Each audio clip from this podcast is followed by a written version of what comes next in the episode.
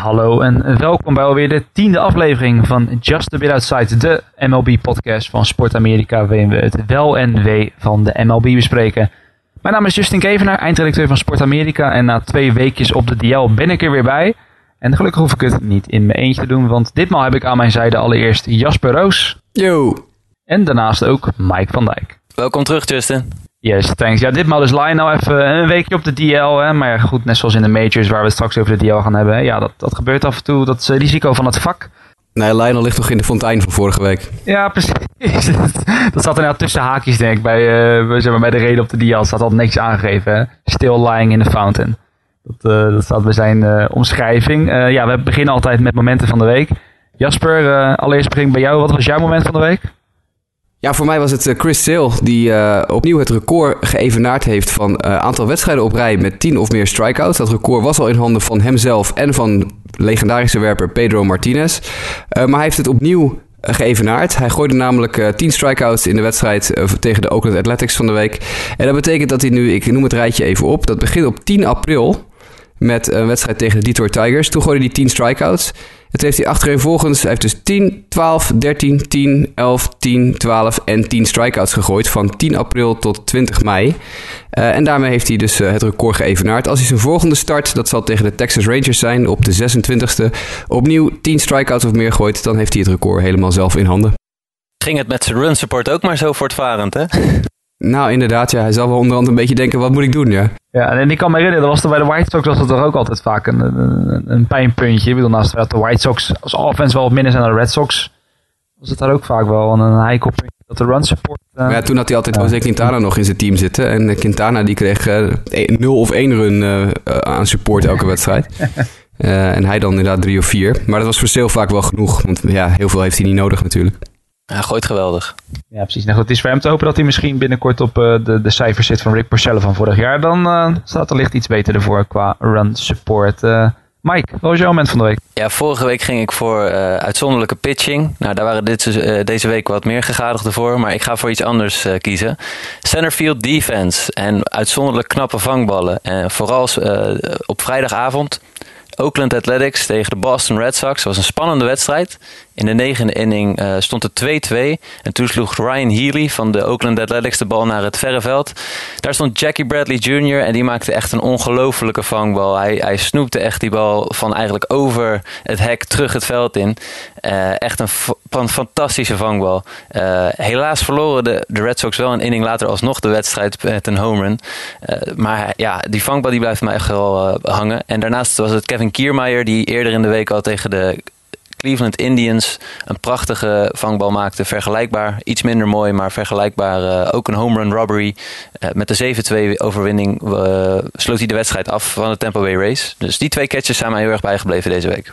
Nou, ze hebben een beetje alle facetten, voel ik al een beetje aan op dit moment van de week. We gaan van uitzonderlijke pitching naar vangballen. En nou ja, ik ga dan maar voor de, hoe zullen we het zeggen, de uitzonderlijke utility infielder van de week. Ja, dat is een mooie categorie.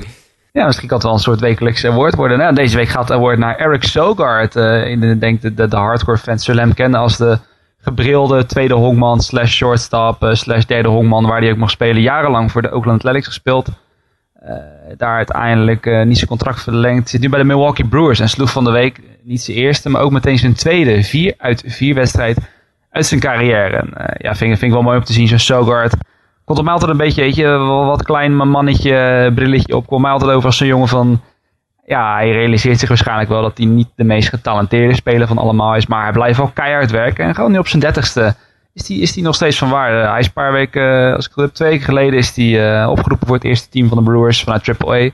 Ja, toen maakt toch gewoon een hele goede week door. En uh, erna, hoe het ernaar uitziet, ja, zolang hij zo blijft slaan, blijven de Brewers hem wel af en toe in de line-up zetten. Dus dat is heel erg mooi voor hem. En ja, ook wel leuk om even een keer de wat hè, letterlijk kleinere speler wat aandacht te geven. Goed, en dat waren dus onze momenten van de week. En dan gaan we nu meteen kijken naar het nieuws van afgelopen week. MLB News en Notes. Ja goed, we kijken dus naar het nieuws van afgelopen week. En daarin gaan we ook misschien wel weer ook een beetje verder op waar we het net over hadden. Uitzonderlijke prestaties uh, van de week. Want ja, iemand waar je niet omheen kan. Uh, is Mike Trout en natuurlijk. Hè, het is misschien een beetje retorisch. Mike Trout is een speler, ja, iedereen weet het, een superster. Maar ja, Jasper, hij blijft gewoon maar doorgaan. Hè? Nou, hij was natuurlijk een paar dagen eruit geweest, eh, eind vorige week, met wat, eh, wat pijntjes en kwaaltjes. En toen kwam hij weer terug, eh, op de 12e, 12 mei kwam hij weer terug, dus iets meer dan een week geleden. En ten eerste was het nog een beetje matig, het was een 0 uit 4'tje, maar vervolgens dan, ja, dan komt die, die echte Trout toch weer boven. En dan zie je in een, in een wedstrijd of stuk of zeven wedstrijden tijd, achter elkaar de ballen weer van zijn knuppel afknallen. Hij sloeg vorige week, over de hele week genomen, vijf homeruns, waarvan vier op rij. Vier wedstrijden op rij met een homerun. Hij had negen RBI's, twee gestolen honken. En ja, de meest bizarre wedstrijd was nog wel 14 mei tegen de Detroit Tigers. Eh, toen eindigde hij de wedstrijd met een, eh, een OPS, een on-base plus slugging, percentage van 4750. Nou, alles 1000 of hoger is goed. Eh, maar dat was een wedstrijd waarin hij 1 uit 1 met een homerun, twee RBI's en twee gesto- gestolen honken eh, presteerde. En Mike Trout is echt een, een legendarische speler aan het worden. Hij heeft eh, de afgelopen week was Mickey Mantle-achtig. Een van de analytici van eh, ESPN gaf dat van de week aan. Die hadden het vergeleken. Wat Mike Trout de afgelopen week gedaan heeft, dat is bijna Mickey Mantle niveau. En het nadeel is, hij speelt in, aan de West Coast. Hij speelt bij de LA Angels. En die komen zo laat op televisie dat zowel de fans in Europa, zoals wij, hem meestal niet zien. Want die wedstrijden beginnen om 4 uur s'nachts hier. Nou, ik ga niet om 4 uur s'nachts even Mike Trout zitten kijken eh, op een eh, koude dinsdag in mei of zo. Uh, maar ook in Amerika, steeds minder fans kunnen Mike Trout zien. Want in de West Coast, op de West Coast beginnen ze steeds later met die wedstrijden. En als je om 9 uur s'avonds met een wedstrijd begint aan de, aan de West Coast, dan is het al middernacht aan, de, aan het oosten. En dan mis je dus alle geweldige dingen die Mike Trout staat te doen. Dus ondanks dat we allemaal weten dat Mike Trout een legendarische speler is... en geweldig, echt een geweldige dingen laat zien op het honkbalveld... zien we eigenlijk concreet gezien live heel weinig van ja, deze man. En dat is toch eigenlijk doodzonde. Nou ja, en natuurlijk ook gewoon, hè, je hebt het natuurlijk over het hele West Coast uh, element. Ook gewoon het team. Ik bedoel, dat helpt natuurlijk ook niet. Ik bedoel, stel hij zou voor de Dodgers spelen, die gewoon, uh, ja, toch de afgelopen jaar ook wel de playoffs hebben gehaald. En ook wel redelijk eenvoudig hebben gehaald. Dat, dat scheelt denk ik ook wel een hele, hele, hele slok op een borrel qua hoeveel mensen dan nog bereid zijn om naar hem te kijken. Ja, de Angels vaak een team dat vooral de afgelopen jaren geen rol van betekenis spelen in de divisie. Uh, ja, alleen ben ik niet helemaal goed in de tijdsverschillen. Ja, alleen in Azië hebben ze misschien het geluk dat ze elke keer uh, zo'n mooi middaguur even Mike Trout uh, begunstigd tijd ja, live kunnen zien. Of een, ja. een lunch, lunchbreakje met Mike. Ja, Ja, precies. precies. Nou, of, in, of in Europa, want dat gebeurt nog wel eens. Dat, hè, dat dat soort teams als de Angels of de Mariners, dat als ze dan extra innings spelen, dan wil het nog wel eens zijn als je er vroeg uit moet voor je werk. Dat heb ik nog wel, ik kan me nog wel eens herinneren dat ik een keer in de trein nog even wat, uh, wat, wat extra innings heb mee, mee kunnen krijgen. Dus dan wel, maar inderdaad, ja, wat je zegt, normaliter niet. En dat, we gaan van het ene LA-team naar een andere LA-team, waar ook een geweldenaar ja, staat, ik wil zeggen bijna staat te slaan, maar in dit geval staat te werpen. We hebben natuurlijk over onze landgenoot Kenley Jansen. Want ja, Mike, ook hij is lekker bezig, hè? Ja, als, als Diamondbacks-fan met een bullpen die uh, redelijk shaky is, kijk je toch echt super jaloers naar wat uh, de Los Angeles Dodgers uh, daar hebben. En vooral Kenley Jansen. als we zijn, zijn cijfers in de maand mei gewoon even bekijken, dan heeft hij 6,1 inning geworpen. Heeft hij 15 keer drie slag gegooid. En is dus, zijn dus maar vier slagmensen niet met drie slag uitgegaan. Dat zijn ongelofelijke cijfers. In die periode heeft hij dus ook nog zelf één honkslag geslagen. Dat was afgelopen donderdag. Uh, als je het nog niet gezien hebt, zoek het op. Zijn optreden tegen de Miami Marlins. Kenley kwam erin in de achtste inning. Gooide drie slag, was daarmee uit de inning gekomen. Moest vervolgens aanslag. Uh, sloeg een honkslag. En kwam vervolgens uh, als in de negende inning weer op de heuvel. En stuurde gewoon drie man nog even met negen pitches, drie keer drie slag naar huis. Ja, game over. Het is gewoon zo dominant. Uh, en een opvallende statistiek is ook dat hij heeft dus zelf nu een honkslag geslagen. En heeft nog geen één keer vier wijd gegooid dit seizoen. Dat kom je niet vaak tegen. Nee, dat is echt bizar. Dat is echt bizar. Een reliefwerper die meer hits heeft zelf dan dat hij vrije lopen heeft gegooid. Dat, is, dat zie je echt nooit. Dus dit is historisch. Ja, nee, dat, is inderdaad wel bizar. Al moet ik zeggen, nu heb ik het net over de Dodgers en de Angels. Maar toch betrap ik ook inderdaad, die net over die hele West Coast Bias be, begint. Ook dan mezelf dat ik Kenley Jensen ook niet zo heel vaak. Je ziet natuurlijk wel de highlights altijd voorbij komen. Maar ja, laat, laat staan dat je vier uur uh, opstaat en dat je dan ook nog hen zo lang opblijft dat je de safe situation in de negende volhoudt. Ja, op de gok ook, hè? Want ja. je weet niet eens of het een safe situation gaat worden. Dus voor hetzelfde dat je drie uur voor niks helemaal, ja. ja, zit je drie uur, hè? Gaat het nog een potje wat lekker langzaam gaat. En dan, uh, ja, kom je daar en dan scoren ze ineens in de achtste inning superveel runs. Is nergens voor nodig. Maar goed, ja, nee, blijft geweldig uh, wat die doet natuurlijk. Um, ja, dus voor eigenlijk misschien het positieve nieuwsblokje, om het zo maar te zeggen. We hebben ook wat, wat binnennieuws. Uh, Jang Ho Gang, we hebben het al eerder over gehad. De Zuid-Koreaan... ja, die is wat in de problemen geraakt. En ja, voorlopig gaan we hem niet meer terugzien, hè Jasper? Nee, hij was, zoals wij eerder dit seizoen al vermelden in een aflevering van de podcast, gepakt voor de zoveelste keer met drank op in Korea. En daar hebben ze hem de eerste twee keer, geloof ik, nogal redelijk makkelijk vanaf laten gaan. Maar was, uh, de rechter was het nu een beetje zat. En die had hem veroordeeld tot acht maanden gevangenisstraf. Uh, Django Gang had daar hoger beroep tegen aangetekend. Dat heeft de laatste anderhalve maand gespeeld. En afgelopen week kwam het, het vonnis naar buiten. Of in ieder geval het oordeel van het, hoger, het hoger beroep. Dat Django Gang zijn hoger beroep verloren heeft. En dus acht maanden de cel in moet. Dat betekent dat zijn seizoen voorbij is.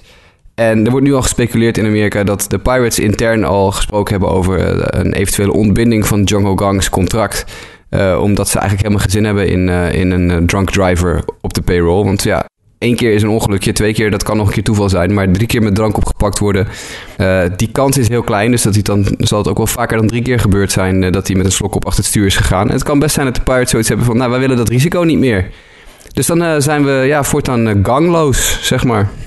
Ja, en het lijkt me op zich ook geen, geen gekke gedachte. Ik bedoel, moet zeggen, in het honkbal, ik weet niet, misschien weten jullie dat je overal beter. Ik weet niet of er meer van dit soort voorbeelden zijn. Spelers die soort problemen terecht zijn gekomen, misschien dan nog wel of niet de kans hebben gekregen. Ik weet in ieder geval in het Amerika voetbal, daar ja, hoor je dit soort verhalen wel vaak. En daar is dan vaak een beetje de, de, de algemene term van, hè, als je goed genoeg bent, dan, dan maakt het niet uit wat je verder doet. Dan krijg je altijd wel weer een kans. Ja, met Jang Ogang, ik denk niet dat hij als, als speler wat hij brengt voor de Pirates, als hij er wel zou zijn, dat dat genoeg waard is voor alle afleiding en heeft wel een slechte PR die erbij krijgt om hem terug te halen. Dus ja, het is speculeren, maar ja, als je zo kijkt, dan denk ik dat die, uh, dat die anderhalf jaar die hij nu voor de Pirates heeft gespeeld, dat dat ook wel uh, daarbij zal blijven. Nou, in de NL Central heb je natuurlijk al vaker problemen gehad. Hè? Uh, Josh Hancock van de St. Louis Cardinals is omgekomen bij een drunk driving ongeluk een aantal jaar geleden. Ik geloof dat het in 2007 was. Die ook met een stevige slok op, eh, op de snelweg zijn auto van de weg afreed en dood was. Oscar Taveras, ook van de ah, Cardinals. Die in de, op de Dominicaanse Republiek met een enorme hoge alcoholpercentage in zijn bloed zich doodgereden heeft. dus ja, er is absoluut in de NL Central ervaring genoeg met de risico's van spelers die met een slok op achter het stuur gaan. Wat in deze situatie ook nog uh, iets is om rekening mee te houden, is dat de vraag is ook: krijgt Kang uh, op het moment dat hij weer vrij is, nog wel een visum voor, om terug te keren naar de Verenigde Staten? Dat is ook een van ja, de, de, nog, de, dingen waar rekening mee moet worden gehouden. Of, je een, of die een tweede kans überhaupt krijgt om in de MLB te kunnen spelen. ja, want je moet dat vinkje aanvinken op je visumaanvraag voor Amerika. Of je ooit veroordeeld bent voor een misdrijf. Nou, dat is Gang nu na drie DUI's. Dus de tijd zal het uitwijzen hoe dit zich verder gaat uh, ontwikkelen. Ja, maar goed, ja, wat, wat, ik zeg, ik bedoel, dat is dan ook met alle respect naar, naar, naar Jang Ho Gang. Ik bedoel, natuurlijk echt geen slechte speler, maar ik denk niet dat de, Pirates er, ja, laten we zeggen, ik bedoel, ze zouden niet ineens een World Series contender zijn met Jang Ho Gang. Dus ja, die, zullen zich denk ik wel intern gewoon alweer aan het verder kijken zijn en kijken hoe ze dat op gaan vangen en uh, hoe ze verder die rol gaan invullen, denk ik. Um, ja, iets, iets heel anders. Ja, we gaan vaak bij het, het nieuwsrubriekje een beetje van het het een naar het ander. Want ja, van de week een unicum in de MLB. Die uh, zijn overeengekomen met Facebook. Dat ze wekelijks, als ik wil zeggen op de vrijdagavond, een wedstrijd gaan uitzenden. Uh, is gewoon via, via Facebook te zien. En uh, ja, daar zijn ze dus mee begonnen, Jasper. Um, ja, een beetje een experiment lijkt het, hè? Ja, we hebben het gezien vorig seizoen bij de NFL, bij de American voetbalcompetitie. Uh, die met Twitter en met Yahoo uh, overeenkomsten hebben afgesloten dat eens in de zoveel tijd mocht Twitter een live wedstrijd streamen. En als Twitter het niet deed, dan mocht Yahoo het doen. Nou, Major League Baseball, die natuurlijk bekend staan om hun, hun, goede ontwikkeling op het gebied van advanced media. MLB Advanced Media is echt een heel erg vooruitstrevend bedrijf. dat is een, tak van Major League Baseball, die ook verantwoordelijk zijn onder andere voor MLB TV. En uh, MLB was de eerste sport die het op deze manier streaming aanpakte. Ik geloof dat seizoen 13 of 14 inmiddels bezig is. Dus ze waren echt heel vooruitstrevend daarin. En die hebben nu ook besloten dat ze eh, ook maar één wedstrijd per week inderdaad gaan, uh, gaan verkopen aan een gratis stream. In dit geval heeft Facebook gezegd, nou, als Twitter het doet, willen wij het ook wel doen. Dus inderdaad, de komende 20 weken, elke vrijdag, neemt Facebook een wedstrijd over van MLB, die dan live uitgezonden wordt. Afgelopen vrijdag was dat Colorado Rockies tegen de Cincinnati Reds. Uh, ik heb geen idee welke het volgende week wordt, maar dat is even iets om in de gaten te houden. Uh, dit is wel een, uh, ja, een goede ontwikkeling, denk ik. zo kan je toch ook honkbal weer verder verspreiden bij mensen die geen MLB-TV-pakketje hebben of die geen kabel-subscription hebben in Amerika. want ja, gratis gaan mensen vanzelf een keer naar kijken. Ja, ja precies. Het, enige probleem, want je zegt het net vannacht de Rockies tegen de Reds. Um, met alle respect naar alle Rockies fans en Reds fans, die, die luister ik op dat line-up deze aflevering in dat geval overslaat. ja, het is dan niet een affiche waar, waar mensen echt, waar je mensen echt mee, trigger denken. Dat vind ik dan wel het enige, maar dat is ook wel goed dat je zegt van ja, we gaan afwachten wat ze nog allemaal uit gaan zenden. Dat is met de NFL ook een beetje het probleem wat ik daar had. Met, dan waren het vaak donderdagavondwedstrijden die werden uitgezonden. En je had dan ook die, die Londen-wedstrijden die ze dan gebruiken om dat te promoten. Ja, het zijn vaak niet de, de, weet je, echt de rivalries die worden uitgezonden. Het zijn vaak een beetje de teams in de middenmoot of misschien zelfs onderaan eh, die, die ze dan uitzenden. Dus ik denk van ja, oké, je wilt aan de ene, op de ene manier verkopen op deze manier. Maar ja, dan moet het product ook wel iets zijn wat mensen triggert. Dus ja, dan ben ik benieuwd of ze dan ons wekelijks met Padres versus Reds of eh, dat, soort, dat soort meuk gaan... eh, ik denk dat ze het gewoon even gaan proberen. Eh, ik denk, je hebt het Ja, bij de dat NFL gezien. Het, het eerste seizoen bij de NFL was het ook vaak inderdaad, wat je zegt, een beetje een raar wedstrijdje. Ook dat hele Londen gebeuren. Ook de eerste paar seizoenen van de Londen wedstrijd. Dat was Ja. echt, nou, dat was Jacksonville tegen de Chargers of zo. Dat was ook over het algemeen niet zo heel erg super interessant. Maar je ziet dat steeds meer als je het NFL als voorbeeld neemt, inderdaad. Hè, de Patriots waren afgelopen jaar eh, in Londen. Dat is toch een, eh, een van de grootste teams eh, op dat gebied. Dus op het moment dat iets succesvol blijft, denk ik dat MLB gaat zeggen... nou, dan gooien we ook af en toe eens een keer een Yankees-wedstrijdje richting Facebook of zo. Nou ja, daarom. Want dat is inderdaad echt de kant die, die, die op moet. Weet je, dat een van die grote marktteams, dat je die een keer dan inzet op zo'n zo'n gratis platform, zeg maar. Dat je daarmee mensen dan echt triggert. Want ja, nu mensen zelfs die er misschien niet eens heel veel met honkbal hebben, die zien Rockies versus Reds, die denken, ja, oké, boeiend, weet je. Scroll verder. Maar goed, aan de andere kant, ik snap ook wel inderdaad wat jij zegt. Als je nog in die experimentele fase zit, dat je dan niet meteen Yankees, Red Sox erop gooit. Omdat het dan ja, niet echt een goed voorbeeld is van wat eventueel andere eh, wedstrijden zouden kunnen gaan doen. Nou, en het is sowieso wel interessant om te kijken wat dit nou doet voor de toekomst van met honkbal op televisie. Hè? Want je ziet aan het begin Ja. van dit seizoen een hele grote kabel-exploitant Comcast Sports in, eh, in Amerika. Die eh, in Philadelphia zitten en in Chicago zitten en in nog een aantal andere grote plaatsen. Eh, ik geloof dat de Comcast Bay Area heb je ook nog, waar Oakland onder andere zit. Eh, die, die hebben aan het begin van het seizoen ook bij hun, hun eh, subscription pakket aangeboden dat je nu dus ook live kan streamen. Dus ook heel veel eh, mensen die een abonnement op Comcast Sportsnet hebben in Amerika, die gaan nu wedstrijden kijken via hun tablet of via hun Chromecast of via hun smart televisie. In plaats van via de kabel. Want het cable cutting, wat je natuurlijk in Amerika heel veel hebt, het Netflix effect, ga je nu ook krijgen bij sport. Mensen gaan zelf kiezen wat ze willen zien. Je hebt het al gezien met MLB Extra Innings. Je hebt het gezien met NFL Red Zone, NFL Network. Eh, al die dingen waar je op in kan schrijven als het ware. eh, in plaats van een echt een duur kabelabonnement te nemen. Dit zou best eens een keer een stap kunnen zijn dat MLB denkt van... hé, hey, we zijn de slag aan het verliezen op het gebied van reguliere kabeluitzendingen. Dus we gaan het streaming aanpakken en we gaan eens kijken wat we daar op dat gebied kunnen vinden. Ja, nee, dat vond jij heel interessant om, om te volgen hoe dat gaat. Eh, maar goed, ja, laatst dus de Rockies tegen Reds in de eerste wedstrijd. Denk in ieder geval wel dat ze blij waren. Ik bedoel, dat was niet op de vrijdagavond dat ze geen Braves tegen Blue Jays uitzonden, zeg maar. Als reclame voor de sport, want daar... het, het ging er nogal hard aan toe, of niet, Mike? Ja, dat klopt. Eh, twee gefrustreerde teams die tegen elkaar op moeten nemen. Al eh, ja, voor, de, voor de Blue Jays weten we in ieder geval dat die eh, een moeizame start hebben. Op het moment van dat we dit opnemen hebben ze 18 wedstrijden gewonnen en 25 verloren. De Braves staan weliswaar tweede op dit moment in de NL East, geloof het of niet. Maar ja, wel met een 17-22 record. Dus ja, in welke mate die gefrustreerd zijn, weet ik niet. Maar in ieder geval, er gebeurde van alles. En dat was vooral op de wedstrijd woensdag.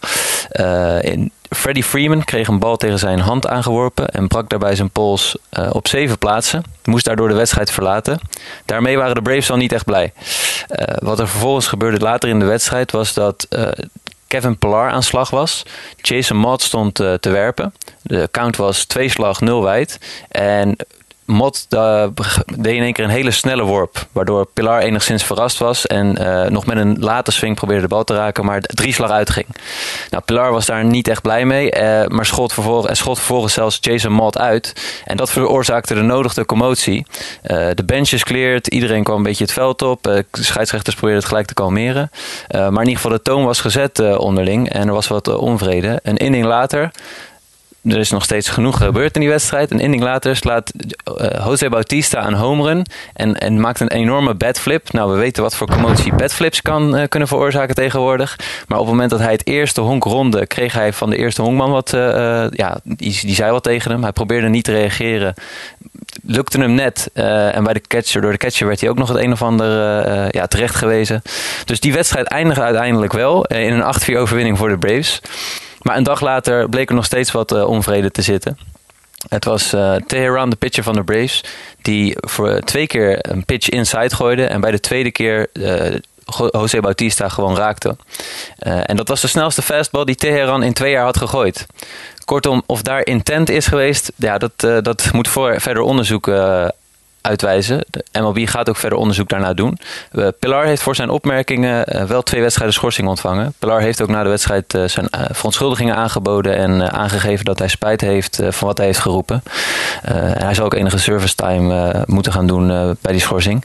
Dus ja, er gebeurde genoeg in die wedstrijden. De Blue Jays die weer eens ruzie maken met een team, hè? What's new?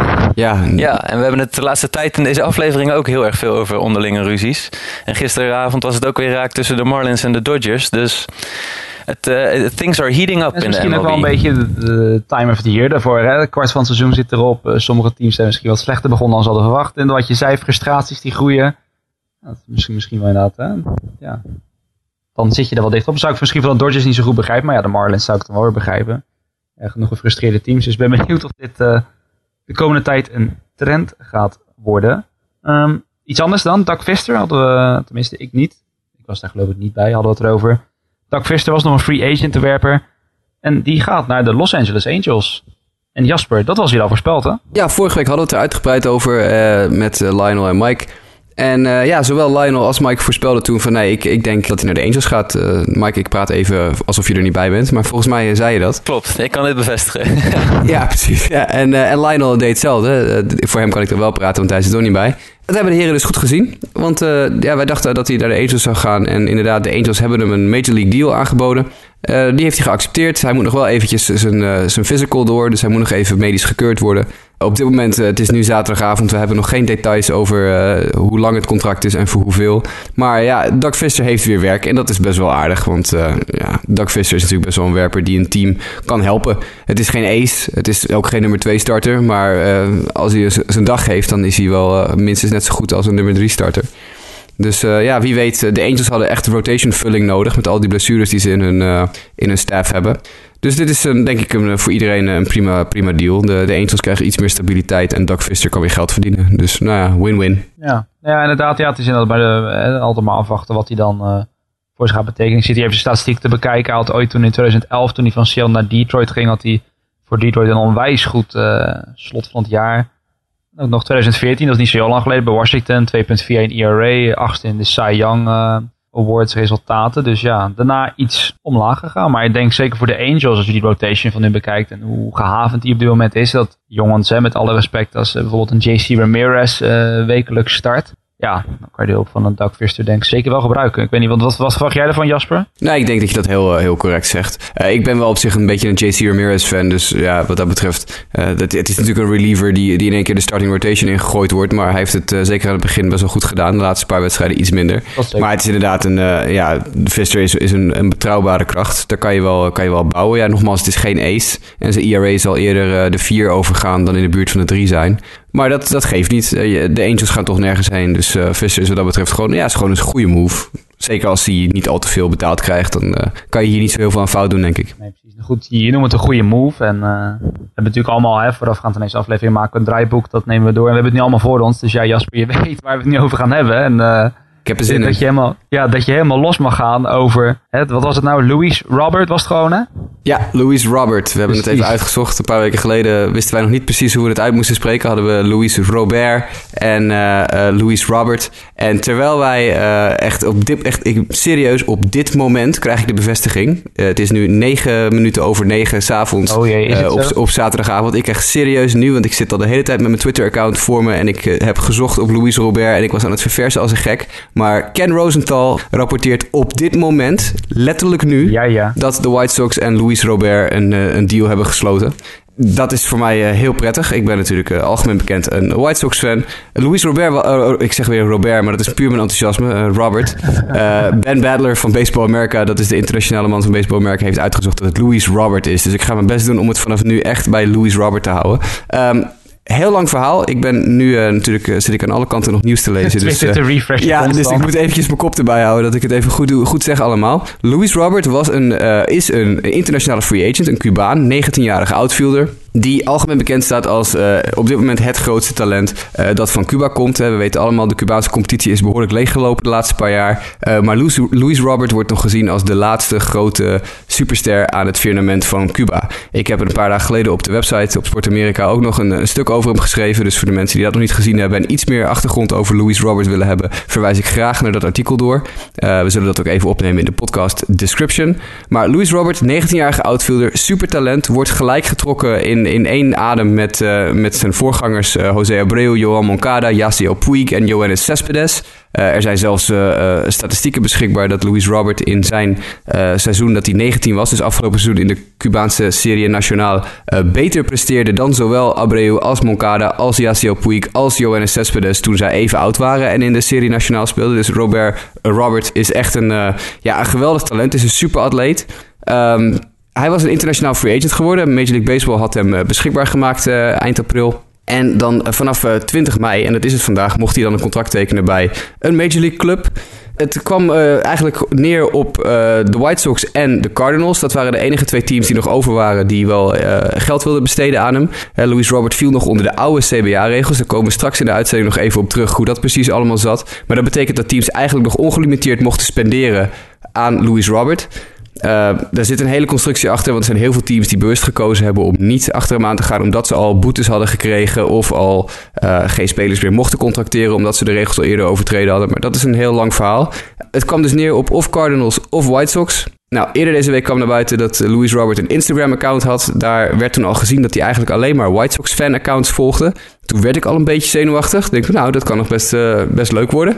Maar ja, goed, de Cardinals waren wel wanhopig. Hè? Want de Cardinals hebben natuurlijk dat uh, spionageschandaal gehad. Hè? Dat ze de Astros gehackt hadden en allemaal informatie hadden gestolen van de Astros. En daardoor zijn ze drie draftpicks kwijtgeraakt uit mijn hoofd. Dat zou dus betekenen dat ze bij deze draft, die er over een paar weken aan zit te komen, in de eerste drie rondes geen keuze mogen maken. Dat is nog hun straf. Nou, als je dus in de eerste drie rondes geen draftpick mag maken, dan mis je gewoon een heel jaar aan talent. En Louis Robert is een ongelofelijk talent. Hij is zo goed dat uh, Jesse Sanchez van MLB.com van de week zei dat uh, op dit moment Louis Robert, 19 jaar, een fractie onder Bryce Harper en Ken Griffey Jr. staat toen die 19 jaar waren.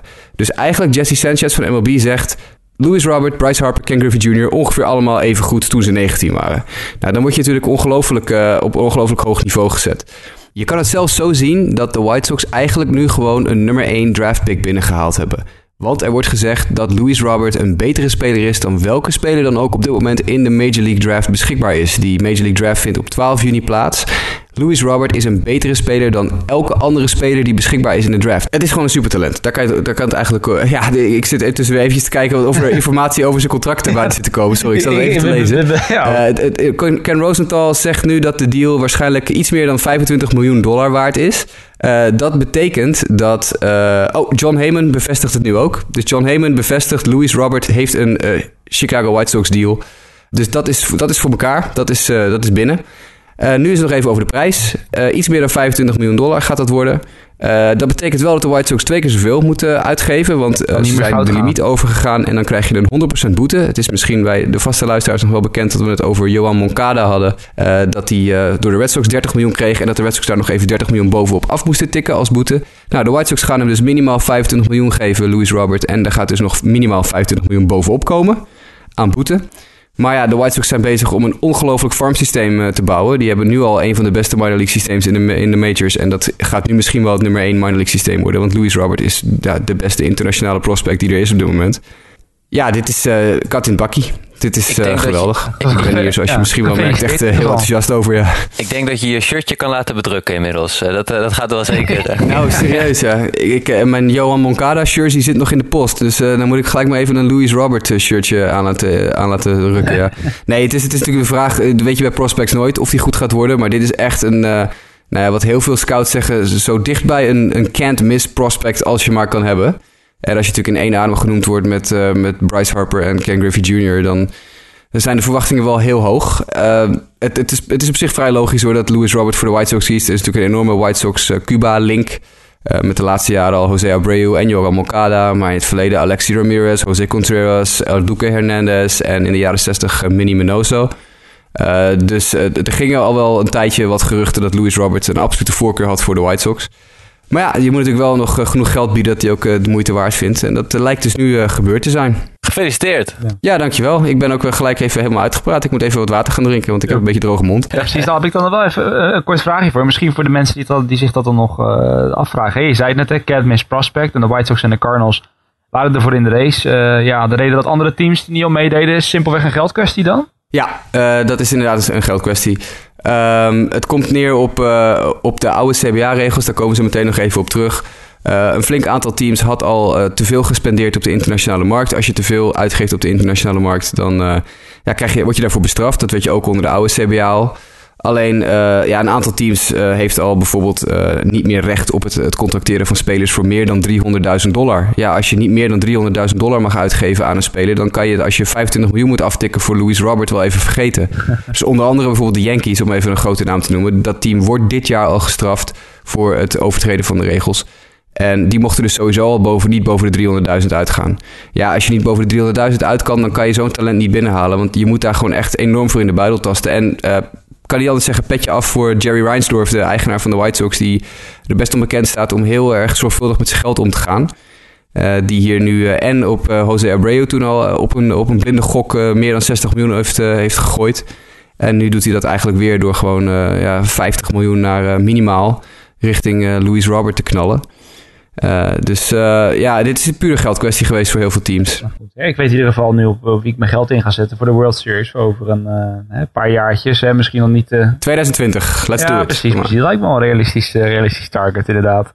Beetje, beetje zoals de Astros hè, een paar jaar hadden. Een tijdje heb je zoveel talenten, dan moet je even drie, vier jaar wachten en dan, dan kan het losgaan. Maar goed, ja, in ieder geval mooi voor jou, voor jouw White Sox. En ja, benieuwd hoe snel we Louis Robert in de majors gaan zien. En ja, over de majors gesproken, daar gaat deze show tenslotte over.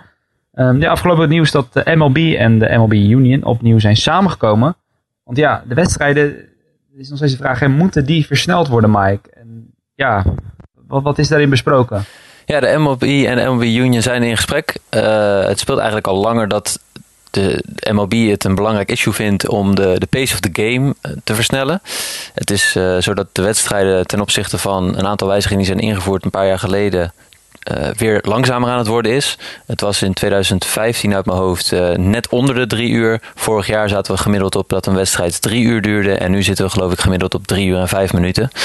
Uh, dus eigenlijk een, een trend die ze eigenlijk de andere kant op willen hebben. Ze willen juist namelijk de wedstrijden sneller laten verlopen. een van de redenen, of een van de dingen die ze hebben doorgevoerd dit offseason was dus om de opzettelijke vier wide intentional walk nog maar met één pitch af te doen. Nou, ik kan me voorstellen dat dat niet voor vijf minuten besparing gaat zorgen. Uh, maar ja, in ieder geval zijn de, de MLB en de MLB Union nu weer in gesprek van hoe zijn nou uh, het spel toch kunnen versnellen uh, en nog steeds het spel, de spelvorm als het ware onaangetast kunnen laten. Er wordt op, in de minor leagues bijvoorbeeld volop geoefend met pitch clocks. het idee daarbij is eigenlijk een beetje dat op het moment dat spelers in de minor leagues met pitch clocks leren werken uh, en dat uh, tempo aanhouden, dan nemen ze dat vanzelf ook mee in de Major League. Maar ja, dat lijkt dus nu in ieder geval na twee jaar nog niet het geval te zijn. Uh, en er zit gewoon best wel veel tijd in de wedstrijden waar het best lang duurt voordat er een, wedst voordat er een, een, een, worp gegooid wordt. Dus ja, dit is een issue. de MLB wil graag, de Union houdt het nog een beetje af. En we moeten kijken waar deze gesprekken toe gaan leiden. het gaat nog even duren, vermoed ik. Ja, het blijft een lastige kwestie. We hadden het er vooraf even kort over. Ja, de echt trouwe fans, die zullen er niet zo last van hebben. Ik bedoel, die, uh, die, die, ja, die zijn eraan gewend. En natuurlijk willen allemaal wel dat het misschien iets sneller gaat. Maar ja, het zorgt er niet voor dat we de MLB niet meer gaan kijken. En uh, ja, wat Jasper, misschien kan je het nog een keer aanhalen. Het is denk ik vooral voor, voor fans die er nu nog niet zijn, zeg maar, belangrijk dat het misschien versneld wordt. Ja, heel fijn dat je hem even naar mij gooit, want ik zit heel druk uh, intussen uh, Louis Robert nieuws te lezen. Maar ja, nee, dat is ook zo. het, gaat, het gaat MLB niet om de fans die ze al hebben, het gaat ze om de fans erbij krijgen. Major League Baseball is op dit moment al echt een van de populairste sporten in Amerika. Ze zijn zelfs bezig de NFL van de eerste plek te verstoten. ze er nog niet, nogmaals, maar uh, dat gaat wel gebeuren. Dus ik denk dat, uh, dat Major League Baseball vooral bezig is om die, uh, ja, die kritiek van, die we al jaren horen over, over honkbal. Het duurt allemaal te lang, het is allemaal zo traag, er gebeurt niets. Ik denk dat ze daar vooral mee bezig zijn, dat ze zoveel mogelijk nieuwe fans willen binnenhalen, ja inderdaad. Ja, de tegenstrijdigheid zit hem er ook een beetje in. In dat de, de mensen die naar het stadion gaan. eh, kijk, als jij voor entertainment gaat, dan vind je het prima dat het lang duurt, zeg maar. Of je, je geniet van je dagje uit. En dat is ook hoe, hoe de me- me- mensen de wedstrijd als het ware beleven. Alleen eh, de keerzijde daarvan is dat de mensen die het in hun dagelijks leven volgen, het honkbal, dus vooral via tv kijken en dergelijke. Ja, dat het voor hun, zeker als je de, tv, eh, de wedstrijden via de tv kijkt, gewoon heel lang duurt zo'n wedstrijd. En dan heb je er eerder een probleem mee dat het dus ook dat er veel momenten zijn dat er niks gebeurt. Ja, en die eh, balans daarin vinden, hoe kan je nou eh, eh, beide fans goed bedienen en eh, gewoon een, eh, een, een lekker vlot spel ervan maken. Eh, ja, volgens mij zitten er nog steeds voldoende, zijn er nog steeds nog voldoende mogelijkheden voor. Ik denk dat een pitchklok zou helpen. Eh, maar ja, ze zijn nog steeds over in discussie. Dus eh, ja. Ja, nou goed, terwijl Jasper zijn eh, timeline de hele tijd zit eh, te refreshen Ja, met ja. Lewis Robert nieuws, ga ik toch weer heel even je aandacht vragen. Want wat een wel ander apart eh, nieuwtje hierin, niet per se met betrekking tot de Major League. Je had hier opgeschreven, er is een vrouwelijke werper in de West Coast League. Eh, betekent dit dat we nou de eerste vrouw moeten verwachten in de majors, of eh, wat jij hebt uitgezocht? Nou, ik weet of we zover moeten gaan om er gelijk de majors in te schrijven. Ze is ook nog heel jong. Eh, maar Ja, nee, het ik dus nog het, talent. het- ja, dat wel. Ja, je weet het niet. Ik, ik vind het een mooi nieuwtje. Ik, ik, ik was hier wel van gecharmeerd. Claire Eccles is een 19-jarige Canadese. Die eh, voor het eerst inderdaad in een eh, soort van eh, ja, prof mannencompetitie speelt. Ze komt uit in de West Coast League. Dat is een, een 11-team collegiate summer league. Dus het is niet helemaal prof, maar het is wel een, echt een talentenpool. We hebben bijvoorbeeld onder andere de laatste jaren gezien dat Chris Davis van de Orioles, die de power hitting Chris Davis heeft in de, in de, de league gespeeld, in de West Coast League. Matt Andreessen van de Tampa Bay Rays heeft in die league gespeeld. Matt Duffy heeft in die league gespeeld. En Tigers lefty Matt Boyd heeft onder andere in die, de West Coast League eh, gespeeld. Dus het is wel een competitie waar, waar veel talent in zit en waar ook wel eens major leaguers uitkomen. Maar inderdaad, Claire Eccles, 19-jarige knuckleballer, is eh, de eerste vrouw die eh, daaruit gaat komen. Ze komt uit voor de Victoria Harbor Cats. Eh, en eh, ja, eigenlijk de Harbor Cats general manager zei eh, tegen CBC, de Canadese sportzender, dat, eh, dat hij van mening is dat Claire 100% goed genoeg is om voor het team uit te komen. Eh, dat het natuurlijk wel een uitdaging gaat worden. Dat lijkt me duidelijk. Eh, maar nee, het is, het is hartstikke leuk. Ze heeft de afgelopen twee seizoenen gespeeld voor de University of British Columbia. En is een van de topwerpsters eh, in Canada's nationale vrouwenhonkbalteam. En eh, dat vind ik mooi. Eh R.A. Dickey heeft het ook opgepakt. Die heeft er een felicitatie ge- getwitterd van de week. Want ja, knuckleballers moeten natuurlijk altijd goed bij elkaar blijven. Eh, en ik vind het mooi, want ja, ik, ik, ik, ik zit erop te wachten. We hebben natuurlijk al jaren rapportage gezien, ook van die Franse korte stop. Eh, een jonge dame die een groot talent was. Ik, zat erop te wachten dat er weer een keer inderdaad wat, eh, wat meer nieuws over de, dames in honkbal naar voren kwam. We hebben natuurlijk ook vorig seizoen, misschien een aantal van onze luisteraars hebben die serie wel gekeken. Er was een serie in Amerika op televisie, Pitch. Het was een, een dramaserie eh, over een, een vrouw die de Major Leagues haalt. Die dus jarenlang in de minors pitcht. En uiteindelijk voor de San Diego Padres eh, uit mag komen in de Major League. Dat was, vond ik een erg vermakelijke serie. Heb ik met heel veel plezier een heel seizoen naar gekeken. Ik was hoogst verbaasd. En met mij ook onder andere de producers van de show. Dat de show gecanceld is. Ik geloof dat hij bij Fox op televisie zat. Eh, dus hij is eh, helaas is daar de stekker uitgegaan. Dus ik heb nog de hoop dat een, eh, een Netflix of een Hulu-achtige organisatie daar weer leven in blaast. Want dat is een hele leuke serie. Maar nu is het dus ja, bijna waarheid. In ieder geval, Claire Eccles is dus onderweg naar ja, echt serieus genomen te worden als vrouw in een, in een honkbalcompetitie. En dat vind ik mooi.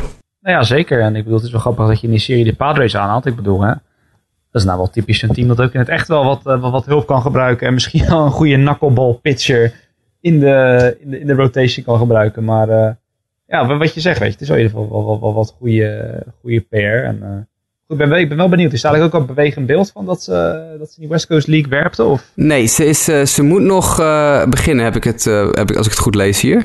Ja, ze begint 30 mei. Dus over 10 dagen begint dat seizoen eh, pas. Ah, Dus dat betekent dat ze nog eventjes 10 dagen mag genieten van alle aandacht die ze nu gaat krijgen. En daarna moet ze lekker aan de bak en mag ze lekker meeballen met de boys. En dat vind ik mooi.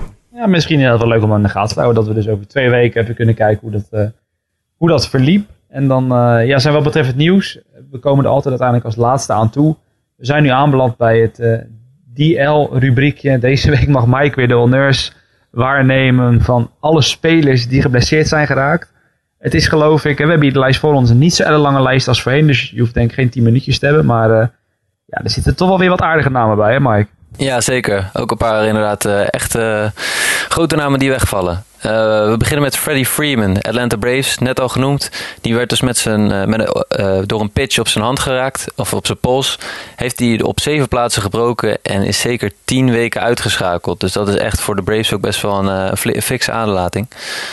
dan komen we bij een clubje hamstringblessures. Er zijn er drie deze week. Junel Escobar, Carlos Gomez en Justin Turner. Voor hun teams zijn zij respectievelijk enige weken uitgeschakeld. De verwachting bij Gomez en Turner is dat het 4 tot 6 weken gaat duren. En bij Junel Escobar 2 tot 4. Uh, eh, dat is het wel wat betreft de hamstringblessures. Dan Adonis Garcia van de Atlanta Braves. Nog een, een Brave met een blessure. Uh, de verwachting is dat hij na een 10-day DL-stint uh, terug kan keren. Hij heeft wat klachten met zijn Achilles. AJ Pollock, de centerfielder van de Arizona Diamondbacks, staat ook op de 10-day disabled list met een uh, liesblessure. Ook van hem is de verwachting dat hij na 10 dagen weer terug kan keren. In ieder geval, dat hopen ze. Uh, Miguel Cabrera heeft, uh, staat een beetje, ja, die kwakkelt een beetje met wat, wat klachten. op dit moment wordt aangegeven dat hij last heeft van zijn obliek. Maar de verwachting is eigenlijk dat hij vandaag, dus dat is zaterdag 20 mei, weer in de line-up zou zijn. Dus dat moeten we even in de gaten houden. Bij de tijd dat deze podcast live is, uh, zou die misschien op zaterdag en zondag weer gespeeld kunnen hebben. Joshua Puig heeft ook een day-to-day issue. Dus, dus ook even afwachten of hij wel of niet uh, tijd op de DL nodig zou hebben. Dan kijken we even naar wat pitchers. Uh, Brandon Finnegan is naar de 60-day DL gegaan. Aroldis Chapman is, staat eigenlijk al uh, sinds vorige week zondag op de, de, op de disabled list. Die heeft last van een rotor cuff inflammation, dus een, uh, een ontsteking. En die is er zeker nog even uit. En de verwachting is dat hij misschien wel gewoon in mei niet meer gooit. Dus we eens even afwachten hoe dat loopt. En ja, vorige week hebben we op het einde van de show nog geprobeerd te voorkomen dat Jasper het ging hebben over blessuregevoeligheid bij Dallas Keigel. en wat wilde er nou gebeuren vlak voor de uitzending? Dallas Keigel heeft een klemzittende zenuw in de nek en gaat naar de disabled list. Jasper, wat wil je hierover zeggen? José Quintana, anyone? ja, dus uh, we hopen dat uh, het in ieder geval qua verdere blessures en namen die, uh, die Jasper gaat noemen, hè, wellicht dat de medical van Louis Robert toch anders uit gaat vallen. Het zou zomaar mogelijk zijn. maar nee, dat was het voor wat betreft de blessures. Dan hebben we ook nog wat goed nieuws voor mensen die terugkeren. David Price heeft geworpen. Lionel kondigde het vorige week al aan. Maar hij heeft ook op vrijdag 19 mei nog geworpen voor Paul Tuckett. onduidelijk is eigenlijk wanneer hij terugkomt. Hij heeft 70 pitches gegooid in de laatste start start die voor het maakte. In twee innings kreeg hij drie punten tegen en vijf hits. Hij kwam tot 70 pitches en zijn eigen redenatie is... nou, als ik 70 pitches kan gooien... dan kan ik ook uh, snel opbouwen naar 90 en eigenlijk in de Major League weer uitkomen. Uh, ik weet niet hoe Boston daar verder over denkt... dus dat, uh, dat moet ook nog blijken in de komende dagen. Corey Kluber, de ace van de Cleveland Indians heeft een bal of vijf, of gaat dit weekend een, uh, een bal of 35 gooien, is de verwachting. En dan is het even afwachten hoe hij gaat reageren, want hij had last van zijn rug. Mitch Henniger, Jasper is daar een groot fan van. Heeft een kleine tegenvaller in zijn uh, herstel. Hij heeft last gekregen van zijn obliek. Had een hamstringblessure, maar heeft nu ook last gekregen van zijn obliek. Dus die zal nog enige tijd uh, langs de kant blijven. En dan is er nog nieuws bij de Tampa Bay Rays voor Wilson Ramos. Die kan inmiddels alweer boelpen-sessies vangen en schijnt uh, redelijk op de weg terug te zijn. Dat gaf zijn manager Kevin Cash in ieder geval aan uh, in een radio-interview op MLB Network. Dus uh, het is de verwachting dat hij in de komende periode terug gaat keren en dan weer in actie gaat komen voor de Tampa Bay Race. Dus dat is mooi nieuws voor hen. Dat waren eigenlijk de blessures en ja, andere medische nieuwtjes. Even tussendoor, je hebt het over de Pawtucket Red Sox, de AAA-team van de Red Sox, omdat David Price daar een, een rehab start of twee gemaakt heeft. Uh, van week zag ik een statje, dat is wel even de moeite van het delen waard. Uh, afgelopen week was de, het salaris, uh, de salarisadministratie van de Pawtucket Red Sox, de AAA-affiliate van de Red Sox, uh, had een hogere payroll dan uh, drie Major League teams. Want bij de Pawtucket Red Sox speelde David Price, die dit seizoen 30 miljoen krijgt. Pablo Sandoval, die 17,5 miljoen krijgt. Rusney Castillo, die 11,2 miljoen krijgt. Alan Craig, die 11 miljoen krijgt. Brock Holt, die 2 miljoen krijgt. En Robbie Ross, die 1,9 miljoen krijgt. die zes spelers hebben samen zijn ze al meer waard dan 74 miljoen dollar.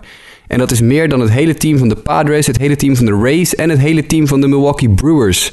De Brewers hebben namelijk de laagste payroll in de Major League op dit moment, 63 miljoen. Dus de, de, ja, de Pawtucket Red Sox hadden 10 miljoen uh, in zes spelers, hadden ze 10 miljoen meer besteed dan de Brewers in een heel team. Dat uh, was wow. wel even een, uh, ja, een statje wat je denkt van wow. Ja, dan ben je als seizoenskaarthouder van Pawtucket echt spekkoper. Ja, inderdaad. Ja, ja. Ja. Zou, dat dan, ook- ja, zou dat dan ook betekenen dat ze de, de leider zouden zijn in de NL Central dan? Hè? Je zegt, de Brewers hebben de laagste payroll, die gaan er aan kop. ja Zou nee, inderdaad. daar dus gewoon mee kunnen. Op deze manier wel, inderdaad. Ja, dat, eh, dat is zeker waar. En ook, ook wel grappig dan dat je eh, nog even iets heel anders tussendoor. Dat kan allemaal in het nieuwsrubriekje. Dat Alan Gregg bijvoorbeeld, dat is echt zo'n naam. Ik weet niet hoe dat met jullie zit, maar die was ik echt al compleet vergeten dat hij daar nog zat. En dat hij ook nog zoveel verdient eigenlijk. Maar ja, Ja, bedoel, ik heb, eh, ik, eh, ik heb hetzelfde, Justin. ja, ik hoor het inderdaad. Ik hoor Jasper Alan Gregg. Ik dacht, Alan Gregg, ja, die had je ook nog. Nou ja, in ieder geval, hij verdient dus nog lekker dat wel. Dus dat is leuk voor de, de familie Craig in ieder geval. Ja, en eh, je ziet ook gelijk even om de link weer te trekken naar Luis Robert. Eh, die Rusney Castillo is ook een Cubaner die ook met heel veel eh hoenpapa is binnengehaald toen. eh, door de Red Sox. En die doet ook helemaal niks. En die vangt ook nog wel eventjes 11,5 miljoen dit jaar. Ehm, dat was toen die, die paniekmove toen de White Sox eh, Jose Abreu eh, contracteerden. En de Red Sox zoiets hadden van nou dan halen wij wel die andere Cubaan waar iedereen het over heeft. En daar hebben ze dus even een missetje mee gemaakt. Dus het kan ook wel eens eh, scheef lopen met jongens uit de Cubaanse competitie. Dat heeft meneer Rusney Castillo wel bewezen inmiddels. Goed, het is in ieder geval goed dat je daarover hebt, want dan hoef ik zelf niet het volgende bruggetje te bouwen. Want ja, we hebben het nieuws gehad en dan gaan we nu even, we hadden net over Louis Robert. Gaan we zo kijken naar ja, de CBA en wat er allemaal is veranderd.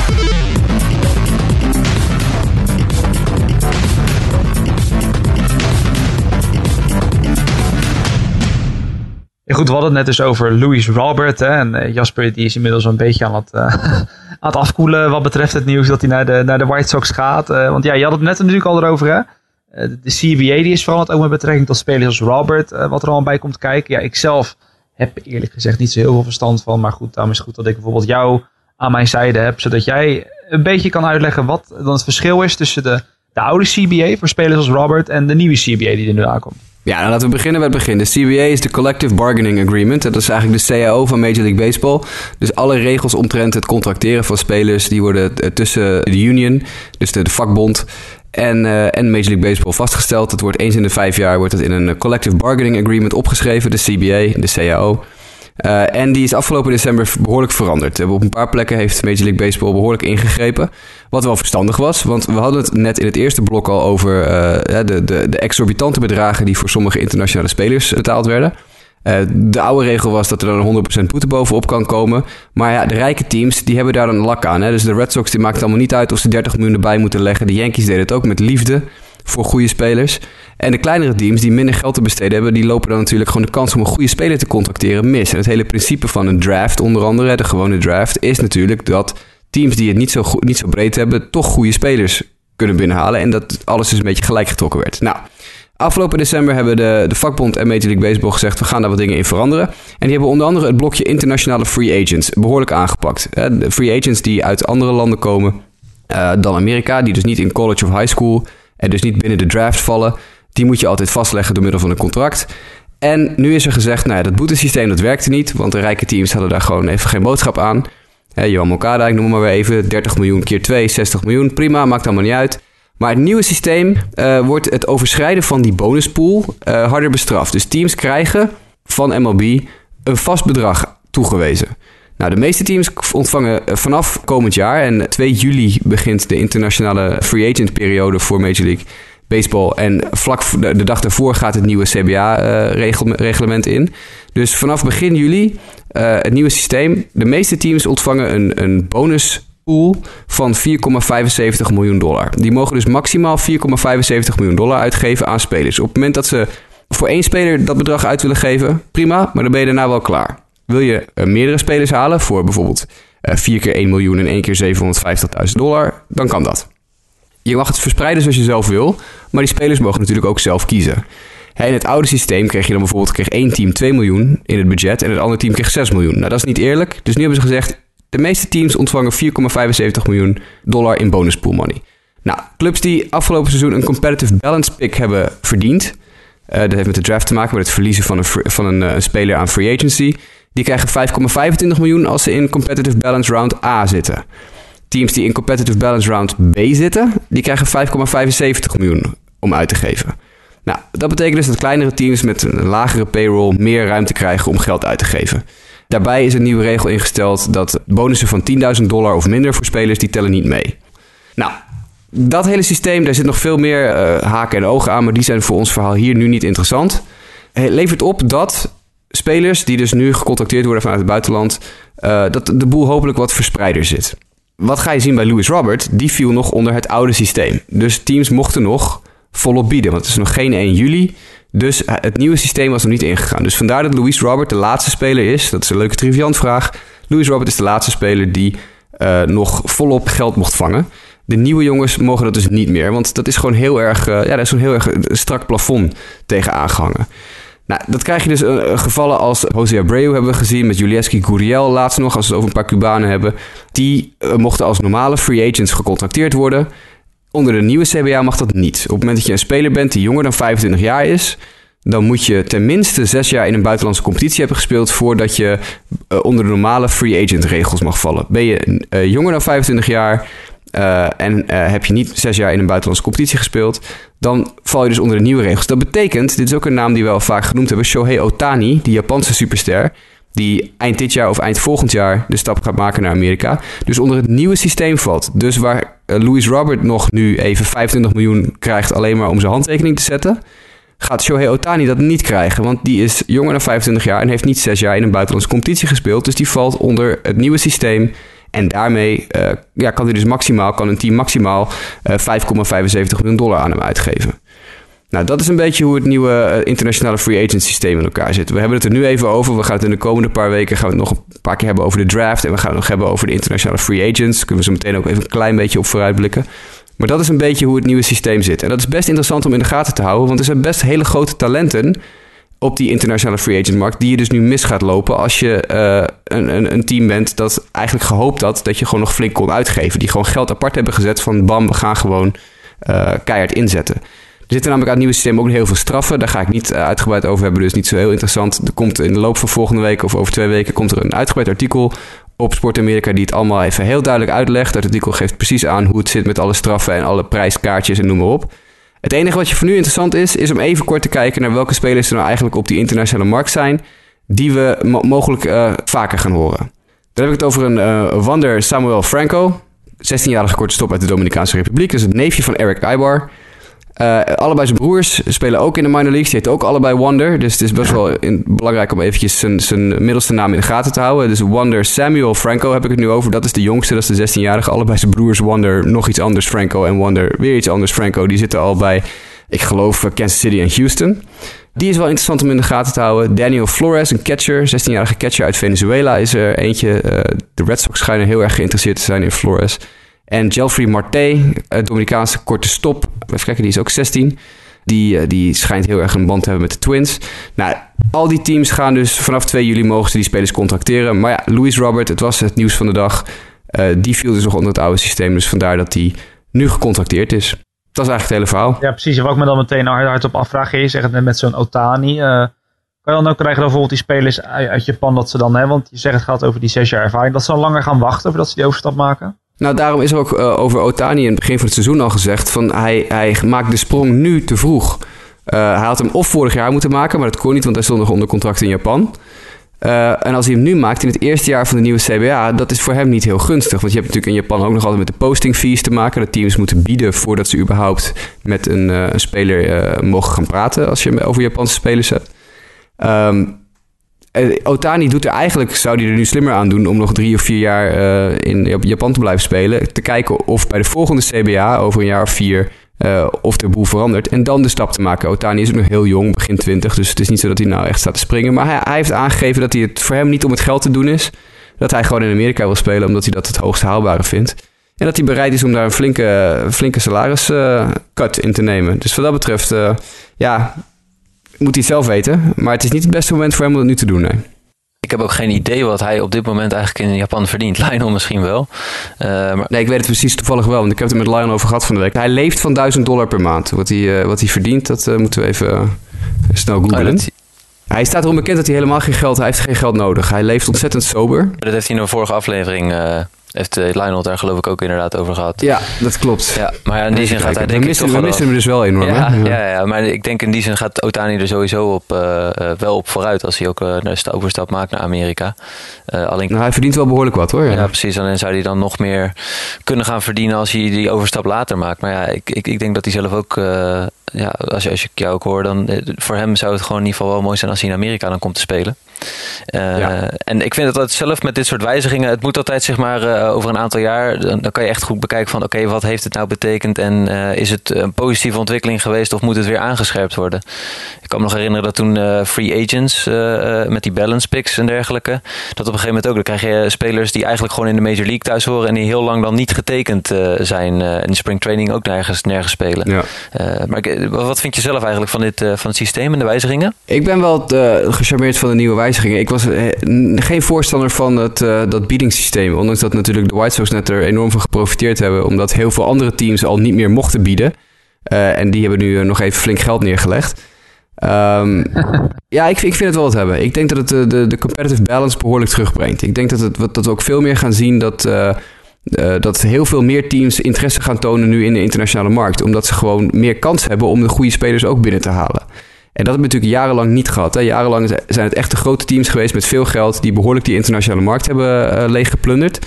Uh, gek genoeg ook de San Diego Padres. Die hebben altijd ontzettend veel geïnvesteerd in, uh, in de internationale markt. Maar dan niet de topspelers, maar die hebben heel breed ingezet. Dus die hebben al hun budget en soms wel meer van hun budget ingezet... om zoveel mogelijk spelers uit die internationale markt te halen. Hè. Categorie, je gooit iets tegen de muur en je kijkt of het blijft plakken. Zoveel mogelijk binnenhalen om te kijken of er iets tussen zit. Uh, maar ik denk dat je veel betere verspreiding gaat zien nu van het, het, het geld en van het budget. Uh, ik denk dat dit voor uiteindelijk op de lange termijn voor Major League Baseball heel goed is. Ja, nee, goed. En de echte winnaar uiteindelijk hier, dit was dan nog Lewis Robert, hè, die als laatste, wat hem betreft, gebruik maakt van die regeling. Ja, en uh, je had het vooraf erover op zijn Instagram. Hij volgt geloof ik heel veel mooie schone dames uit de regio van Hollywood. Dus ja, als die dan veel geld verdient, ja. dat helpt wellicht wel. Als die een van deze dames uh, heel versieren. Dus nou ja, Louis Robert, je weet wat je net zei. Mooie trivia vraag voor later. De laatste die gebruik heeft gemaakt van de oude CBA. En volgens mij, als ik het even tussendoor snel opzoek, uh, als ik het goed zie hier, maar hou me te goede, verdient Shohei Otani 27 miljoen yen dit jaar. En ik weet of jullie heel erg uh, de, de wisselkoers uh, paraat hebben. Nee. nee. maar ik probeer even heel snel te achterhalen wat dat betekent voor zijn Even kijken, dan verdient hij 2,4 miljoen dollar dit jaar. Dat is toch niet heel verkeerd. Nee. Nee, dat doet hij inderdaad niet slecht. Ik zou het ervoor doen. Ik zou het er ook voor doen. Ja hoor, voor de helft ook nog wel. Ja, ja, ja. deze podcast bijvoorbeeld. Ja, prima. Ja, dat zou leuk zijn. Ja. Maar goed, ja, uh, nou ja, wat je zegt, het is denk ik zeker iets... Uh, ik bedoel, jij weet er vast veel meer over dan, uh, dan ik inderdaad. Om de komende weken gewoon, ja, heeft er nog aan te vullen of de ontwikkelingen die dan, die dan relevant zijn, om die in de gaten te gaan houden. Um, ja, dan hebben we dat deeltje dus nu ook gehad. Uh, ja, in de mailbag, het ging niet hierover. Uh, maar we hebben alweer twee andere mailbag vragen gekregen, dus die gaan we nu behandelen. Just a bit outside. Mailbag. Ja, goed, in de mailbag ditmaal dus uh, van twee mensen vragen gekregen. Allebei via de mail, als ik het goed heb begrepen. Uh, ja, wil jij een vraag insturen, kan het ook via het mailadres justabitpodcast.gmail.com is dat adres. Uh, allereerst die van Tim de Ruiter. ja, die heeft over Didi Gregorius. Hij zegt het ook, jullie hebben het afgelopen tijd al even over de naderende trade deadline gehad. en nu denk ik dat de positie van onze Didi Gregorius de komende tijd in meerdere opzichten interessante zal zijn. Hoe denken jullie erover? Didi is namelijk een belangrijke schakel geworden en verrassend goed in de winnende Yankees-formatie. Maar met top prospect Glaber Torres achter de hand en de knetterende free agent class van 2018 in het vooruitzicht, is Tim heel erg benieuwd welke keuzes de Yankees moeten gaan maken. Mike, ja. Los Tim. Ja, nou dat is uh, een luxe probleem zou ik zeggen. uh, ja. En dat uh, hebben ze graag in, in New York. nou ja, Didi is dit seizoen ook weer goed aan slag. En het, het, opvallende is eigenlijk, toen hij doorbrak in de Major League... stond hij vooral bekend om zijn defensieve kwaliteiten. maar in de laatste jaren is hij steeds beter gaan slaan. En vooral ook in New York. dus daarmee is hij steeds meer een kracht geworden. Het voordeel wat de Yankees gewoon hebben... is dat ze A in de Major League, of in de American League zitten. En dus altijd ook nog de DH possibility hebben. Dus op het moment dat Gleyber Torres klaar zou zijn om naar de Major League opgeroepen te worden, kunnen ze waarschijnlijk denk ik ook nog wel daar iets mee doen. Uh, wat ik verwacht, Gleyber Torres zijn slagprestaties op dit moment in AAA zijn nog niet zo dat ik denk dat hij snel naar uh, de Major League gaan, gaat komen of dat ergens dit seizoen gaat gebeuren, dat zal ongetwijfeld goed kunnen. Uh, maar op dit moment slaat hij uh, een slaggemiddelde van 2,83 en een on-base percentage van 3,67. Dat is niet uh, slecht, zeker niet. maar het is ook niet zo dat hij op dat moment zegt van ja, hij moet nu echt naar de Major League gaan. Ik weet dat Kettle Marte en Juan Mokada volgens mij er beter voor staan en meer aan de deur aan het kloppen zijn. Maar op het moment dat Torres bij gaat schakelen en meer Major League ready gaat zijn, dan de Yankees hem denk ik ongetwijfeld erbij halen. Nou hebben ze wel het voordeel dat die, die gewoon een goede defense heeft. En die Yankees hebben destijds ook bijvoorbeeld Alex Rodriguez verplaatst naar het derde honk. Ik denk dat ze een beetje gaan, gaan schuiven met posities. En gewoon zorgen dat de beste spelers voor die line-up uiteindelijk dan ook een plekje krijgen in het veld. Dus dat is eigenlijk wat ik verwacht dat ze tot 2018 gaat doen. Nu is het zo dat Didi uh, nog twee jaar, geloof ik, arbitration eligible is. Dus dit jaar uh, heeft hij nog getekend voor een RPR en volgend jaar ook nog. Na 2018 zou hij free agent worden. Of de Yankees hem dan ook gaan verlengen, dat zou heel erg afhankelijk zijn van de prestaties die er op dat moment zijn en wat de Yankees strategisch willen gaan doen.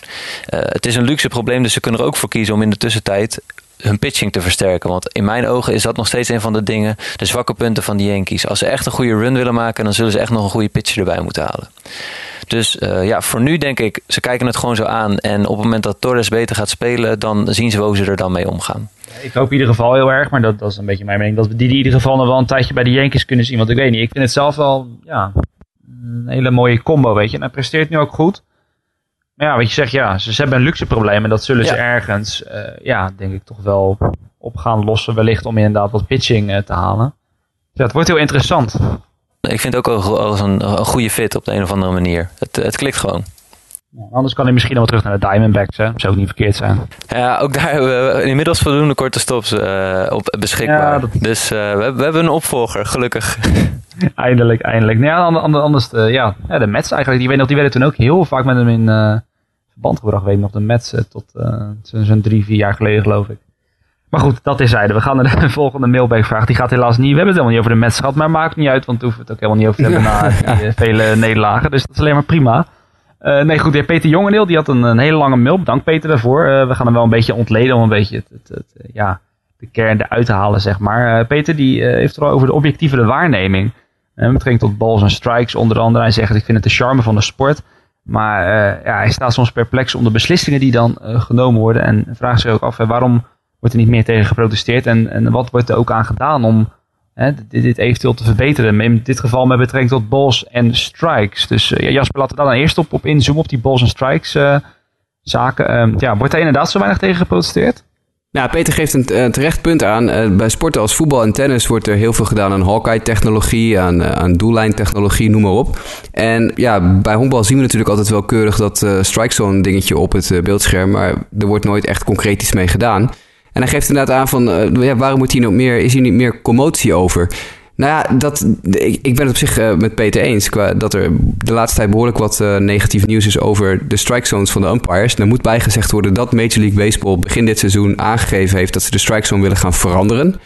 Die is een beetje verplaatst nu. Ik geloof dat die nu iets lager zit dan normaal. Uh, waardoor er natuurlijk uh, spelers moeten eraan wennen, uh, commentatoren moeten eraan wennen. En er wordt dus daarom misschien iets vaker geprotesteerd, omdat umpires vaker vooral ballen laag in de zone meer slag dan vroeger. maar er wordt wel zeker is er commotie om die, die situatie heen. want er wordt al, al jaren gediscussieerd over robot umpires. En toevallig ook nog uh, rondom dezelfde tijd dat, uh, dat Peters e-mail binnenkwam, uh, had Joe Madden, de manager van de Chicago Cubs, een uitgebreid betoog over de robot umps. You know, I've been, I, honestly, I've been vacillating on that. I, I love what's going on on the bases. I admit that. I've been talked about that because in spring training, when it wasn't there, you really found out how much you liked it being there. So I'm, I'm convinced of that. Although there's a couple tweaks I'd still like to see done with that regarding rules and, and uh, fabricated rules, whatever. But I like the system. Now, balls and strikes. Um, it's just hard to tell. I mean, I you don't even know. You know, it's uh, you know, be careful what you wish for, unexpe- unintended consequences. If there actually is an electronically con- uh, controlled zone, which I've been speaking more in favor of recently, does that are the veteran umpires actually really good at understanding nuance of the game and what actually is a good pitch and what needs to be called a strike uh, based on how the game is supposed to be played and run, whatever, or does that have to be more exact regarding uh, this is exactly the strike zone against this guy, how tall he is, whatever, how, how he stands, whatever that means, uh, is that going to be important? So I, I'm really vacillating on this right now. I am. I think you know a lot of what's occurring right now. Uh, maybe some umpires are umpiring to get a good score, possibly just based on you know how they're being evaluated, whatever. Uh, whereas maybe a group is still just umpiring the old, good old-fashioned way. So I think there's still inconsistencies with that. I, again, I don't know the answer. I, I just I'm, I'm trying to figure it out myself. We're all looking for you know the perfect game all the time coming up, but it's not going to happen. Uh, we've always talked about pitchers and hitters have to adjust to umpires. We've always talked about that too. So this is a tough one. I mean, you know, you could go on and on and round and round. I think we've nailed it on the bases, but actually calling balls and strikes, I I can't really come up with a solid conclusion even to myself. What I think. Dus ja, de kwestie is nu, uh, wanneer gaan we robot umpires zien in de Major League? Ik denk niet dat het uh, heel snel gaat gebeuren. Ik denk dat Major League Baseball daar niet op zit te wachten. Uh, ik denk dat we het voor lief moeten nemen dat scheidsrechters zo nu en dan een keer een foute call maken.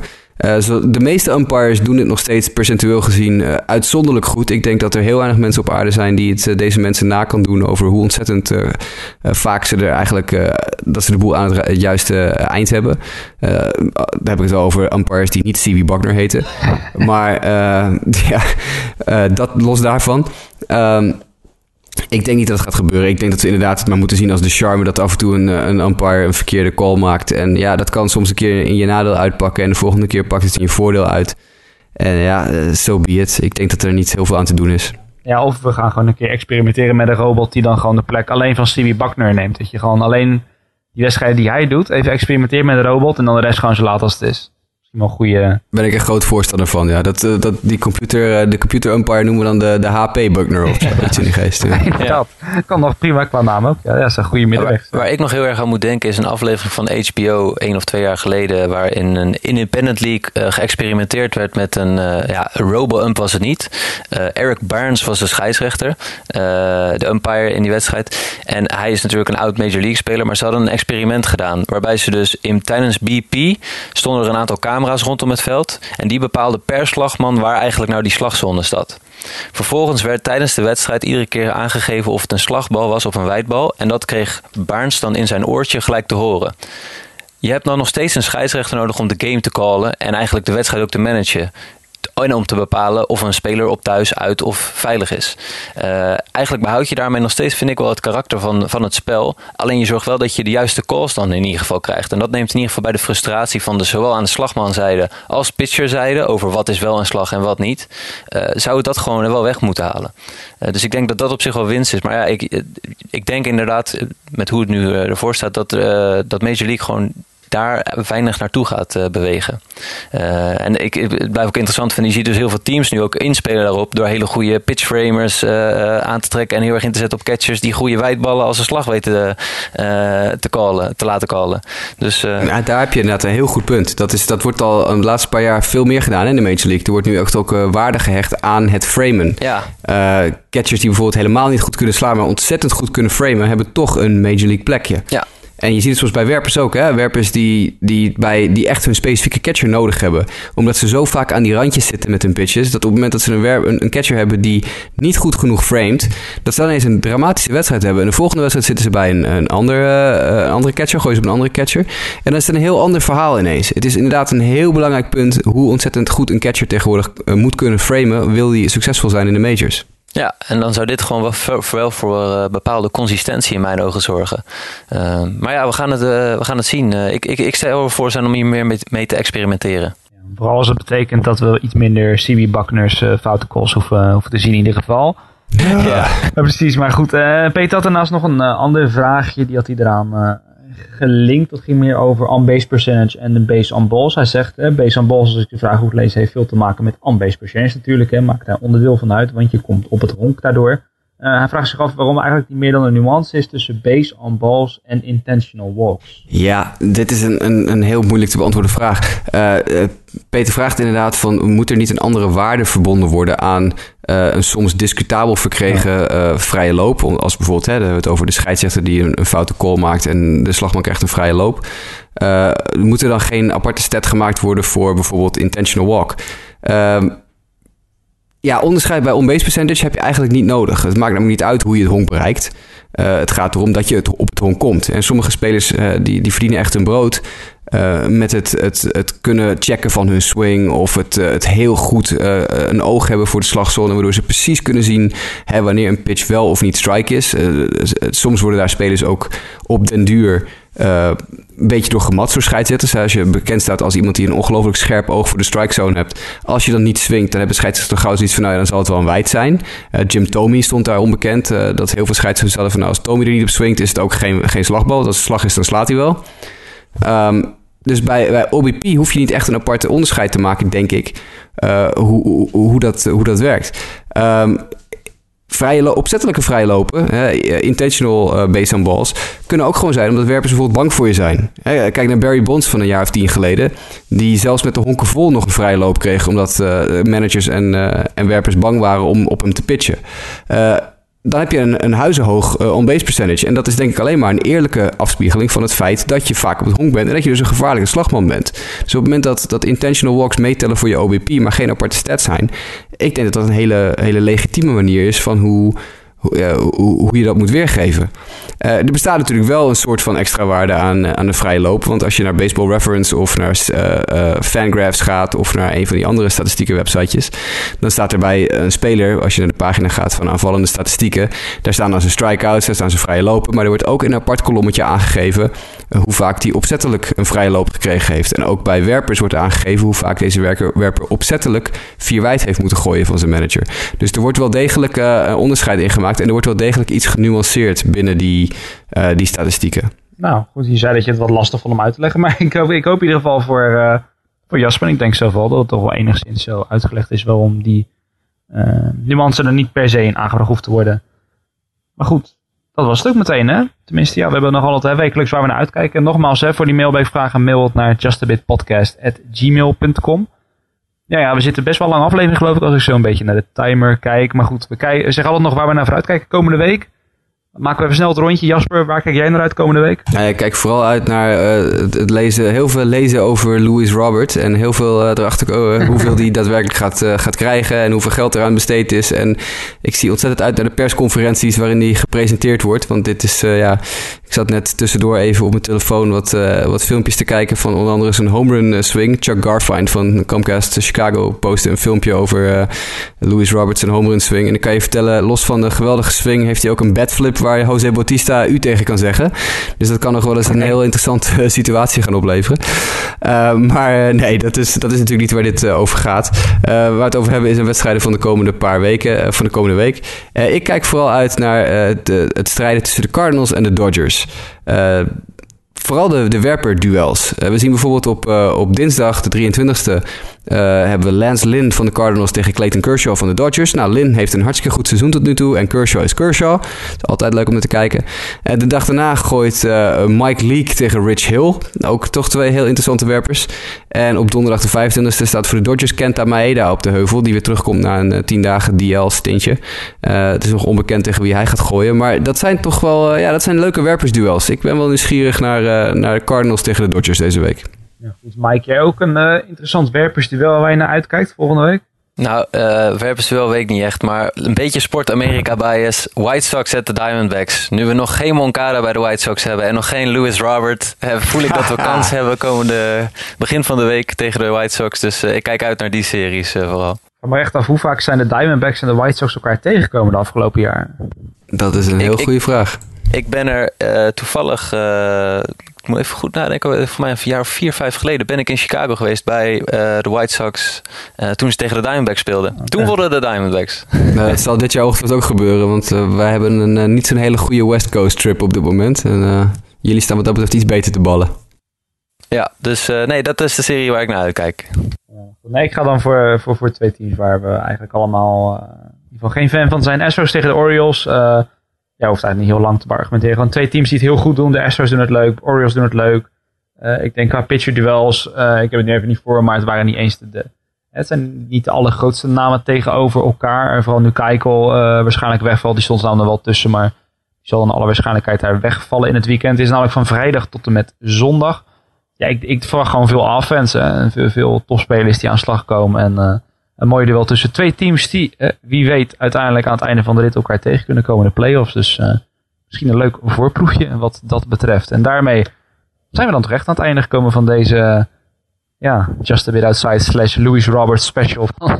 ja, ja, het werd inderdaad een beetje, een beetje een chaotisch uh, geheel halverwege. Dat is een beetje mijn schuld. Maar ja, als je een podcast op zit te nemen en je krijgt een breaking news... Is dan is het uh, toch ineens uh, ja, het hele draaiboek overboord en, en knallen met die handel. Dus mocht het een beetje chaotisch zijn geworden, dan is dat volledig mijn schuld. En neem ik daar helemaal alle verantwoordelijkheid voor. Nou ja, het grappige is nog, we zijn nog zo, ja, het is een week waarin niet zo heel veel gebeurt. Maar goed, hè, dan zit het vanuit in de staart en dan hebben we alsnog iets waar, waar we helemaal op los kunnen gaan. Maar uh, ja, ik wil jullie allebei in ieder geval heel erg bedanken alvast. Dat jullie weer wilden zijn. Yes, jij bedankt. Nou ja, voor de mensen die hier aan het luisteren zijn. Ik zei het net al naar justabitpodcast.gmail.com kan je vragen sturen. Verder kun je ook de interactie opzoeken via het Sportamerika op ons Twitter kanaal. Facebook.com slash Sportamerika. Uh, op Twitter kan je ook nog onze persoonlijke uh, Twitter handles vinden als je gewoon op onze naam zoekt kan je daar nog de interactie opzoeken of kijken of we eens wat posten over de MLB en daarover lekker in discussie gaan. Bijvoorbeeld tegen Jasper. Kan Jasper allemaal leuke gifjes sturen en video's van Louis Robert als jullie die ergens uh, op het digitale web vinden, zodat hij daar nog even van kan genieten. Uh, dus ja, jullie allemaal hartstikke bedankt en graag tot de volgende.